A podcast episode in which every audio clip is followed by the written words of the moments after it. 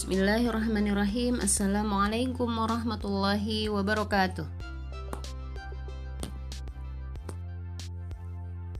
Sahabat Filah, apa kabarnya? Kembali dengan saya Vera Tinvika Mutiara. Kali ini saya akan membuat episode khusus ya Yang erat kaitannya dengan data Dan bagaimana sikap penguasa terhadapnya. Episode pertama ini uh, saya berikan judul wabah corona dan abainya penguasa terhadap data. Pada tahun 2017, Badan Kesehatan Dunia WHO merilis laporan yang memuat daftar patogen yang perlu sesegera mungkin diperhatikan, khususnya bagi kalangan ilmuwan ya. Daftar tersebut di antaranya adalah Crimean Congo Hemorrhagic Fever, kemudian ada Ebola, kemudian ada Marburg, ada Lassa, ada Middle East Respiratory Syndrome Coronavirus, MERS-CoV, ada Severe Acute Respiratory Syndrome SARS, ada Nipah, ada Nipah, ada Rift Valley Fever, dan ada juga Zika. Tak lama selepas laporan WHO itu keluar ya, beberapa peneliti WHO kemudian memutuskan menambah satu virus lagi yang perlu di, yang perlu diwaspadai, yaitu adalah disease X. Karena belum tahu namanya, jadi dinamai disease X. Pada keterangannya, disease X ini disebut sebagai epidemi internasional yang serius yang disebabkan oleh patogen yang saat ini tidak diketahui yang itu menyebabkan penyakit pada manusia. Profesor Trudy Lang sebagaimana di dalam ungkapannya di The Guardian menanggapi kemunculan disease X ini dengan mengatakan negara-negara dunia harus sesegera mungkin memperkuat kemampuan penelitian terutama guna menghadapi berbagai penyakit baru yang disebabkan serangan virus yang belum pernah ada dalam sejarah hidup manusia. Temuan Dr. Li Wenliang hampir tiga tahun eh, setelah laporan WHO itu diterbitkan ya, tepatnya pada bulan Desember 2019, itu pun juga mengungkapkan hal yang sama seorang dokter di Wuhan, Provinsi Hubei, Cina, yang bernama Li Wenliang menemukan adanya virus baru dalam diri pasiennya. Ia menyebut penyakit itu SARS-like virus dan diduga mengarah pada kemunculan disease X yang sebenarnya. Disebut mirip SARS karena gejala yang ditimbulkan oleh pasien penderita virus itu mirip seperti SARS namun, Dr. Wen Liang berkesimpulan bahwa pasiennya tidak terkena SARS yang mengkhawatirkan sebagaimana diungkapkannya dalam wawancara pada The New York Times. Saya yakin, kata beliau, bahwa pasien yang mendatangi saya telah menginfeksi pula keluarganya. Kemudian pada tanggal 31 Desember 2019, di saat orang-orang hendak berpesta memperingati pergantian tahun di Cina ya. Dr. Wen Liang ini mengirimkan pesan peringatan melalui grup WeChat kepada masyarakat bahwa ada virus baru yang mengancam.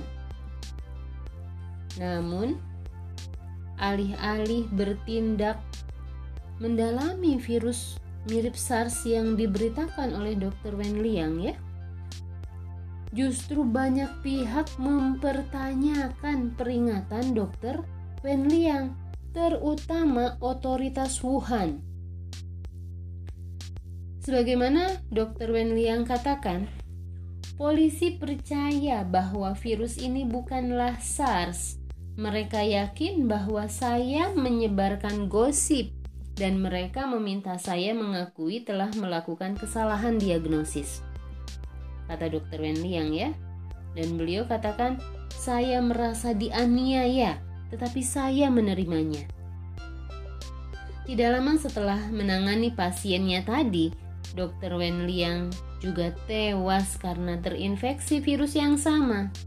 Tahukah sahabat semuanya? Virus apa itu? Virus tersebut kemudian dikenal dengan beberapa sebutan yang berubah-berubah. Awalnya disebut virus corona, berubah menjadi corona Wuhan, berubah lagi menjadi coronavirus, dan terakhir menjadi COVID-19. Subhanallah. Terlepas dari penyebutannya ya teman-teman.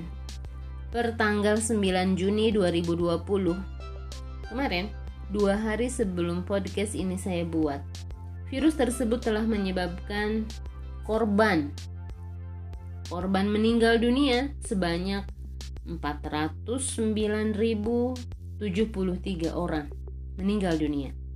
Dan berapa banyak korban yang menderita yang difonis positif terinfeksi COVID-19?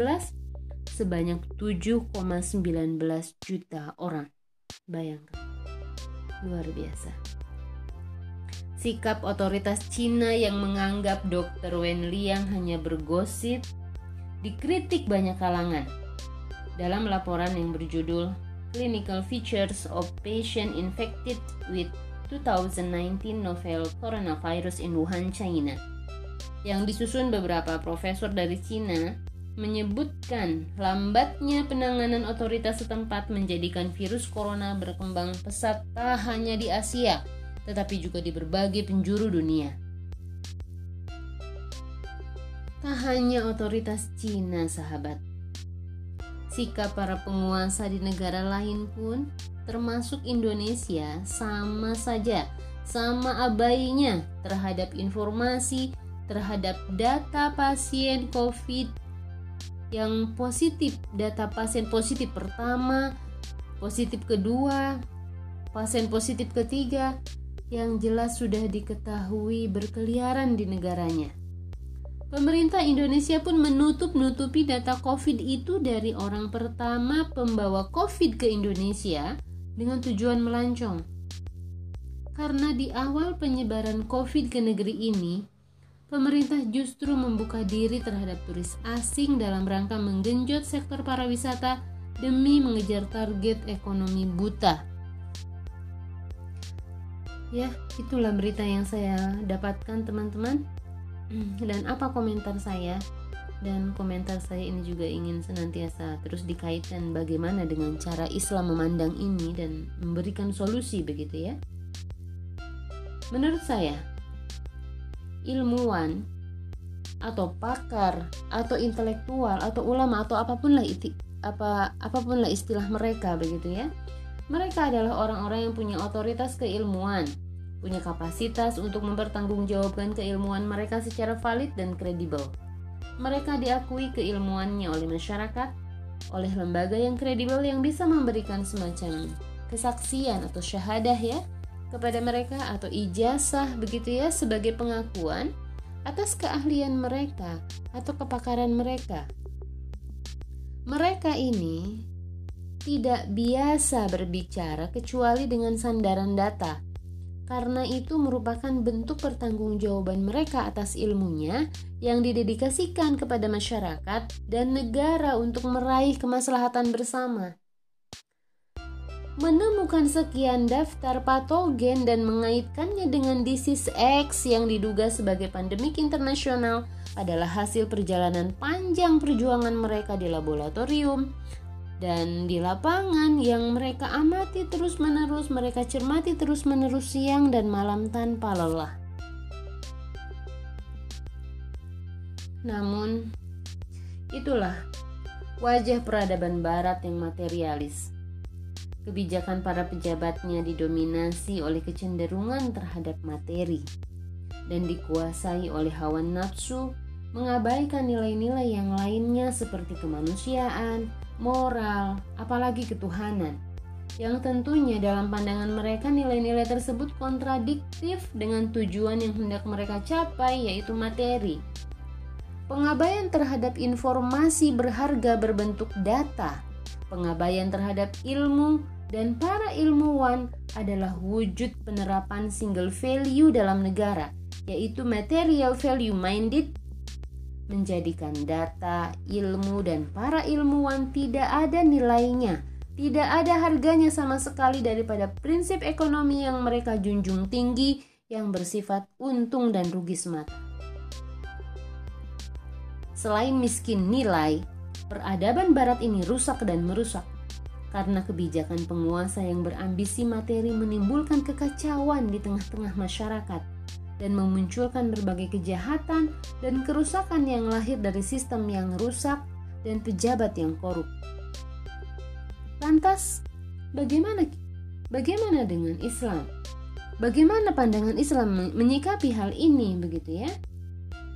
Sebagaimana kita ketahui, Islam mengajarkan umatnya untuk menghiasi diri dengan akhlakul karimah, moral yang baik, dan di antara contoh akhlak yang baik atau akhlak yang mulia itu adalah memuliakan ulama dan orang-orang yang memiliki keutamaan. Sebagaimana Allah Subhanahu wa taala berfirman, "Adakah sama orang-orang yang mengetahui dengan orang-orang yang tidak mengetahui? Sesungguhnya orang yang berakallah yang dapat menerima pelajaran." Quran surat Az-Zumar ayat 9. Kemudian dari Zabir radhiyallahu anhu sesungguhnya Rasulullah Shallallahu Alaihi Wasallam mengumpulkan di antara dua orang laki-laki dari suhada perang Uhud. Kemudian ia bersabda, siapa di antara keduanya yang lebih banyak hafalan Qurannya? Jika ditunjukkan kepada salah satunya, maka beliau akan mendahulukan untuk dimasukkan ke dalam liang kubur. Hadis riwayat Al-Bukhari. Kemudian dari Abdullah bin Mas'ud radhiyallahu an ia berkata, Rasulullah shallallahu alaihi wasallam bersabda, Siapa saja di antara kalian yang mempunyai idealisme dan kecerdasan, niscaya ia akan bersamaku. Kemudian diikuti oleh generasi sepeninggal mereka, kemudian oleh generasi sepeninggal mereka. Rasulullah mengulangi perkataan ini tiga kali. Hadis riwayat Muslim. Begitulah bagaimana Islam memuliakan para ulama dan orang-orang yang memiliki keutamaan. Pengabaian terhadap pandangan atau pendapat mereka, yaitu para ilmuwan, para ahli, para ulama, di dalam Islam dikatakan sebagai sikap amoral, dan orang yang melakukannya dikatakan telah memiliki moral yang buruk, atau dalam pandangan saya, cacat moral. Sistem Islam tidak akan membiarkan para pejabat dengan akhlak yang buruk itu bertahan dalam kekuasaannya. Sebagaimana sabda Rasulullah Wasallam, Madinah itu seperti tungku yang bisa membersihkan debu-debu yang kotor dan membuat cemerlang kebaikan-kebaikannya. Sementara Islam menempatkan nilai yang merupakan tujuan yang hendak diraih dari suatu perbuatan senantiasa disandarkan kepada asyari. Siapa itu? Pembuat hukum yakni Allah Subhanahu wa taala. Ada kalanya syariat itu memerintahkan kita untuk meraih nilai materi dari suatu amal seperti apa? Bekerja, berdagang, bertani dan sebagainya. Namun ada kalanya Allah pun memerintahkan kita untuk mengejar nilai moral, nilai kemanusiaan atau nilai ruhiyah untuk suatu amal yang meniscayakan dengannya manusia akan mengabaikan imbalan materi, bukan meraih materi, karena manusia harus bersikap sebaliknya, tidak melihat untung rugi, tidak melihat manfaat madarat. Seperti apa contohnya? Ketika kita berkorban menolong nyawa orang yang tenggelam, yang de yang dengannya meniscayakan kerugian materi, bukan keuntungan materi. Namun nilai ini harus diwujudkan semata-mata mentaati perintah Allah dan demi meraih ridhonya semata. Peradaban Islam yang khas ini menjamin terwujudnya keberkahan dan kebahagiaan hidup dan mewujudkan peradaban yang agung dan mulia. Yang yang demikian itu hanya bisa diwujudkan dalam naungan khilafah Rashidah, bukan yang lain. Allahu a'lam bishawab. Billahi taufik wal hidayah. Wassalamualaikum warahmatullahi wabarakatuh.